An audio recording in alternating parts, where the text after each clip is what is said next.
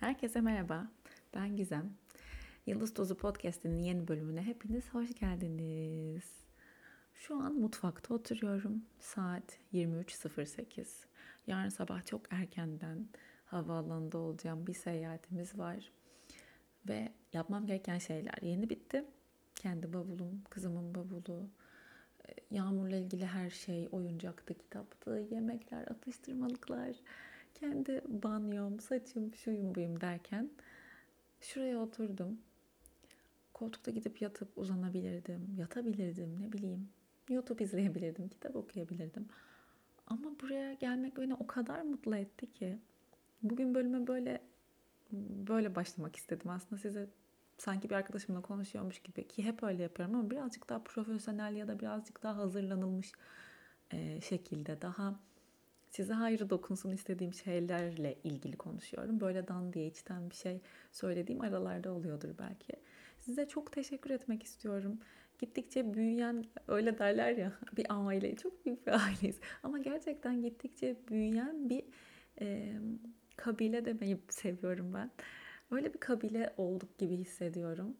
Çok eskiden beri beni dinleyenler var, yeni gelenler var. Özellikle konuklu bölümlerden sonra çok değişik, hiç yolumuzun kesişmediği insanlar da geliyor, mesaj atıyor, bir şeyler söylüyor, teşekkür ediyor ya da güzel bir yorum yapıyor. Çok mutlu oluyorum. İnsanın böyle sevdiği bir şey yapıyor olması çok değerli diye düşünüyorum. Öyle size teşekkür ederek başlamak istedim. Ee, ironik bir şekilde bugün pişmanlıktan söz edeceğiz. Ee, başlamadan önce bir diğer teşekkürüm de bu bölümün sponsoru Salusa. Birazdan onlardan da bahsedeceğim. Şimdi başlayalım isterseniz. Şimdi sizinle 8 sene palyatif bakım yardımcısı olarak çalışan Bronnie Ware'ın ölüm döşeğindeki hastalardan en çok duyduğu 5 pişmanlığı paylaşacağım. Bronnie Ware kimdir ondan birazcık bahsedeyim. Ee, uzun yıllar süren kurumsal hayatında yaptığı işlerde aradığı mutluluğu ve tatmini bulamıyor ve yüreğini de koyabileceği bir iş aramaya başlıyor. Bu alanda hiçbir geçmişi veya deneyimi olmamasına rağmen kendini palyatif bakımda çalışırken buluyor. Bilmeyenler için palyatif bakım mevcut hastalıkları nedeniyle tam olarak iyileşemeyen veya yaşamlarının son zamanlarında desteğe ihtiyacı olan hastalara yardım etmeye amaçlayan bir tıp alanı. Aynı zamanda destekleyici bakım olarak da biliniyor. Hastanın acı çekmesinin engellenmesi ya da azaltılması ve yaşam kalitesinin arttırılmasına odaklı bir bakım şekli.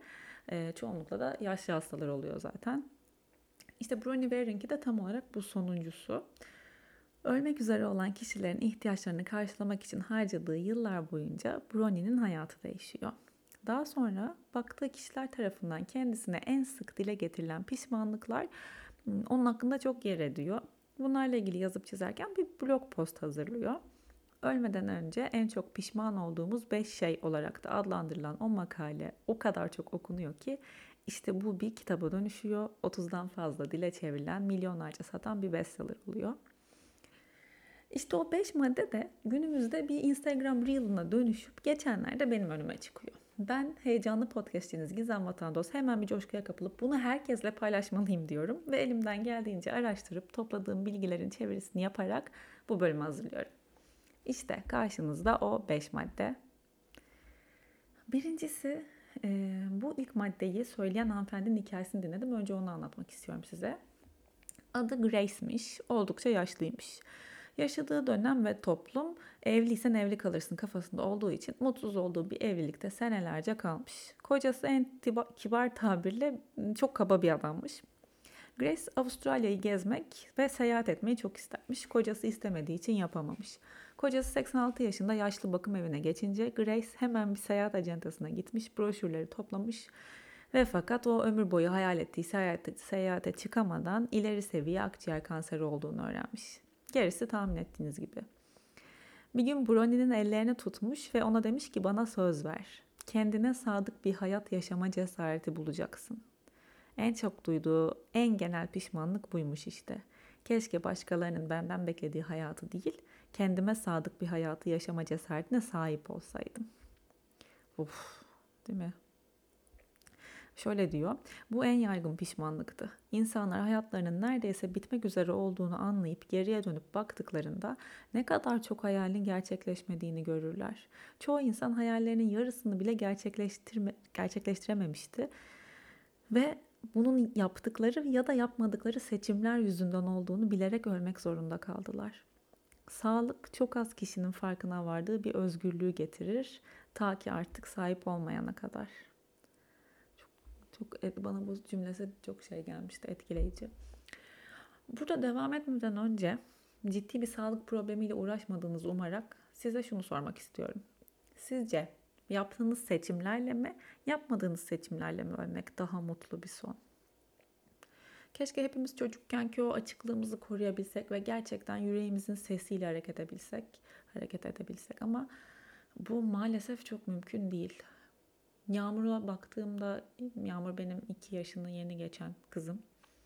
O kadar net ki çizgileri neyi istediğini, neyi istemediğini anında bilip hiç örselemeden net bir şekilde tepkisini koyabiliyor. Ve bu çok güzel bir özellik insanlara bahşedilen ama koruyamıyoruz yani hayat hep hiçbirimiz koruyamıyoruz. Ee, bu konuda ne yardımcı olur e, yetişkinlere? Ben en çok terapi olduğunu düşünüyorum bunun. Ben çünkü e, içimdeki gizemle, çocuk gizemde olabilir. O istediğini bilen gizemle bağlantıyı kaybettiğimde bana en büyük faydayı e, terapi sağladı. Hep yani ben işte o 16-17 yaşımdan beri falan düzenli olmasa da her zaman düzenli olmasa da e, bir psikologla görüşüyorum. Görüştüm farklı farklı. Hep bunu düşündüm.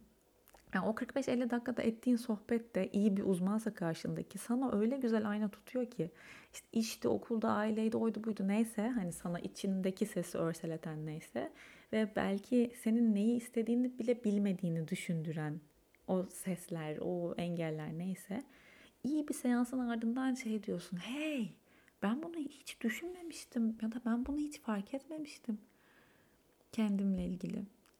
Ve belki bir seçim yapmak, bir adım atmakla ilgili eksik olan cesareti de, kendine ve kararlarına inancı da ve kalbinin sesini duymayı da başarabilmen için harika bir fırsat. Ee, bence bir terapi imkanı olanlara. İşte burada Salus'tan da birazcık söz etmek istiyorum. Uygulama sadece psikologlardan oluşmuyor tabii ki. E, zaten birazdan anlatacağım. Ama ben bugün buraya dikkat çekmek istedim. Çünkü bence e, bilmiyorum sanki hani en çok ona erişin istedim gibi. E, Salus bir dijital sağlık uygulaması. İçerisinde online görüşme yapabileceğiniz uzmanlar hem de ücretsiz içerikler var. Klinik psikolog, psikolog danışman haricinde diyetisyen, fizyoterapist, doğum koçu ve daha birçok farklı uzman var aslında. E, uzman eşleştirmeleri ve içerik önerilerini uygulama size sorduğu birkaç soruya aldığı cevaba göre yapıyor. Denemek isterseniz bize özel bir indirim kodu var. Yıldız Tozu 10. Ben web sitesini ve uygulama linklerini açıklamalar kısmına koyacağım. Oradan da bakabilirsiniz, tıklayabilirsiniz e, ya da indirim kodunu kullanabilirsiniz. Eğer bu bahsettiğim ilk madde sizin içinizde bir yeri cız ettirdiyse ve buna imkanınız varsa e, Salus'a kendiniz için bir göz atmanızı tavsiye ederim. Brownie'nin ölmeden önce en çok pişman olunan şeyler arasında ikinci en çok duyduğu cümle ise şuymuş. Keşke bu kadar çok çalışmasaydım. Şöyle diyor. Bu baktığım her erkek hastadan geldi. Çocuklarının gençliğini ve eşlerinin hayat arkadaşlığını kaçırmışlardı.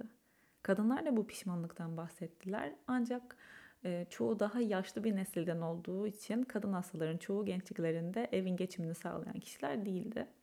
Ama tüm erkekler hayatlarının büyük bir kısmını iş hayatının çarkında geçirmekten büyük pişmanlık duruyorlardı. Biz bunu tabii günümüzdeki e, işte bu millennial'ların burnout'larına, kurumsal hayattakilerin ya da kurumsal olmayan hayattakilerin bile bu tükenmiş hallerine, o aşırı çalışmanın ver, verdiği ve aldığı bilmiyorum şeylere bir uyarlayabiliriz belki. Tabii bunları işte söylerken işin maddi ve ekonomik yani o o kısmına da çarpıyor zihnim. O yüzden hep imkanınız varsa, imkanı olan varsa diye söylemeye çalışıyorum. Ama çalışmak zorundaysak bile mutsuz olduğumuz ve çok da severek yapmadığımız bir işte çalışmak zorundaysak bile onu öyle bir şekilde yapabiliriz ki işte o ölüm döşeğindeyken dönüp baktığımızda keşke o kadar çok çalışmasaydım dedirtmez bize. Anlatabildim mi? Belki o çalışırkenki hayatımızı, o işin dışındaki hayatımızı öyle bir şekilde yaşarız ki atıyorum çok sevdiğimiz, kendimizi ön plana koyduğumuz, e, kendimiz için olduğunu bildiğimiz bir şeyler yaparak, bir şeyleri önceliklendirerek ve orada da mutlu olmaya çalışarak. Çünkü bunu geçici bir dönem olarak görmeyi de düşünebilirsiniz belki. E, para kazandığınız bir iş olduğunu varsayıyorum. E, bu para biriktirip ya da o kazandığım parayla kendim için işte şunu yapacağım derseniz belki dönüp dolaşıp bunları bilançosunu yaptığımızda o cümleyi kurdurmaz, o pişmanlığa dönüşmez. Bu da bir düşünce biçimi. Neden olmasın? Üçüncü madde. Keşke duygularımı ifade etme cesaretine sahip olsaydım. Şöyle diyor Brony. Birçok insan başkalarıyla arası bozulmasın diye duygularını bastırdı. Sonuç olarak vasat bir varoluşa razı oldular ve hiçbir zaman gerçekten olabilecekleri kişi olamadılar. Pek çok kişi uzun zamandır içinde taşıdığı bu kırgınlık ve kızgınlıktan dolayı hastalandı. Şimdi size yeniden soruyorum. Şu an aktif olarak hali hazırda başkalarıyla aranız bozulmasın diye sırf onların gözünde iyi olmak için hangi hislerinizi bastırıyorsunuz? Kendinizin neresinden ödün veriyorsunuz mesela? Kendi düveninizde, içinizde, varoluşunuzda olan bir şeyle uyumlu olmak varken, gerçekten olabileceğiniz bir potansiyel varken, gerçekten olabileceğiniz bir siz varken gerçek olarak sırf başkaları için, başkaları yüzünden öyle olmamayı seçebilecekken neden acaba başka bir yoldan gidiyorsunuz kendinize, kendimize? Bundan daha iyisi mümkün sizin olabileceğiniz en iyi halinizde sizin yanınızda durmak isteyen insanlar yine olacak. Oraya kadar buradan oraya sizinle gelmek isteyen insanlar da olacak. Ve önemli olan sizsiniz. Sizin ne istediğiniz, sizin nasıl hissettiğiniz, yaşadığınız hayattan öncelikle mutlu olması gereken sizsiniz. Bir başkasını mutlu etmek için yaşamıyoruz birincil olarak. Ben böyle bunları not almıştım. Bunları düşünmüştüm ilk okuduğumda. Dördüncü madde. Keşke arkadaşlarımla iletişim halinde kalsaydım. Ay bu çok üzdü beni. Böyle bilmiyorum hani bir görüntü hayal ettim. Böyle yaşlı birisi. Öyle her gün geleni gideni yok orada. Böyle hasta bakıcısıyla da dertleşiyor falan. Bilmiyorum arkadaşlar benim için hep önemli olmuştur. Sizin herkes için e, aşırı öncelikli olmayabiliyor ama hmm, ben çok severim arkadaş. Ee, biraz bana, dokundu bu cümle. Şöyle demişti Brony de bunun üzerine. İnsanlar çoğunlukla eski arkadaşlarının önemini ölüm döşeğine gelene kadar tam anlamıyla fark edemiyorlardı ve o noktada da bu insanları arayıp bulmak, izini sürmek her zaman mümkün olmuyordu. Birçoğu kendi hayatlarına o kadar kendini kaptırmıştı ki böyle altın dostlukların yıllar içinde geçip gidip kaybolmasına izin vermişlerdi dostluklarına hak ettiği zamanı ve çabayı vermemiş olmanın derin üzüntüleri vardı. Herkes ölürken arkadaşlarını özler demiş. Oh. Bazı şeyler üzerine bir şey söylemek de istemiyorum bu arada. Çünkü siz düşünün istiyorum. Şimdi mesela bunu duyduğunuzda hangi arkadaşınız gözünüzün önüne geldi? Hangi küslük, hangi kırgınlık, hangi veda, hangi uzaklık, mesafe, o kadar uzaklar mı acaba ya da bir telefon kadar, bir WhatsApp kadar bile yani yakınlar mı? Beşinci ve son madde. Keşke daha mutlu olmama izin vermiş olsaydım. Yine Brony'nin sözlerini okuyacağım size önce. Bu şaşırtıcı derecede yaygın bir durum. Birçoğu mutluluğun bir seçim olduğunu sonuna kadar anlamadı. Eski kalıplara ve alışkanlıklara takılıp kalmışlardı alışkın alışkanlığın rahatlığı denilen şey fiziksel hallerinin yarısı ah konuşamam fiziksel hallerinin yanı sıra duygularına da taştı. Değişim korkusu onların başkalarına ve kendilerine memnunmuş gibi davranmalarına neden oldu. Oysa içten içe doğru dürüst kahkaha atmayı ve hayatlarında yeniden birazcık şapşallığa ve saçmalamaya yer olmasını arzuladılar. Böyle dönüp dolaşıp mesela 85 yaşındayım. Ve hani gidiyorum artık. Biliyorum. Keşke daha mutlu olmama izin vermiş olsaydım cümlesi çok üzücü geliyor bana ya. Bilmiyorum. Umarım hayatlarımızın oralarına gelebiliriz öncelikle. Umarım ilerlerine, o yaşlılığa. Ve umarım deriz ki yani mutlu bir hayatı yaşadım. Chandler Bing öyle bir Chandler Bing de Matthew Perry'nin öyle bir röportajı vardı ya nasıl öldükten sonra ay ağlayacağım yine. Öldükten sonra nasıl anılmak istiyorsunuz denmişti Matthew Perry'e. Friends'deki Chandler bilmeyenler için bir ay, bir ay oldu mu? Bir ay oldu herhalde öldü. Ee, o da işte iyi yaşadı gibi bir şey söylemişti ve böyle o benim çok aklımda kaldı. Hani güzel yaşadı, iyi sevdim, sevdi, mutlu oldu gibi ve iyi yaşadı. Lived well, loved well. Çok etkileyici, çok anlamlı geliyor bana bu beş maddede. Şimdi ben hiç soru sormamışım gibi bir iki soru daha ekleyip sessizce gideceğim ki şöyle bir içimize, aklımıza ağır ağır dibe çöken kumlar misali çöksün konuştuklarımız. Lütfen kalabiliyorsanız bir iki üç dakika sakince kendinizle durun bölüm bitince. Sadece durun ve düşüncelerinizi ve hislerinizi izleyin. Eğer bu sizin için çok ağır, çok tetikleyici değilse şimdi kendinize sorun. Yarın ölecek olsam ben yaşadığım hayatla ilgili neyden pişmanlık duyardım? Eğer mümkünse bunu değiştirebilmek için neler yapabilirim? Yazarın bir röportajını dinledim. Orada şöyle diyordu. Unutmayın, ancak ölüm döşeğindeyseniz herhangi bir şey için çok geçtir. Bir sonraki bölümde görüşmek üzere. Burada bitirmek istiyorum. Burada olduğunuz için tekrar teşekkür ederim. Kendinize çok iyi bakın. Hoşçakalın.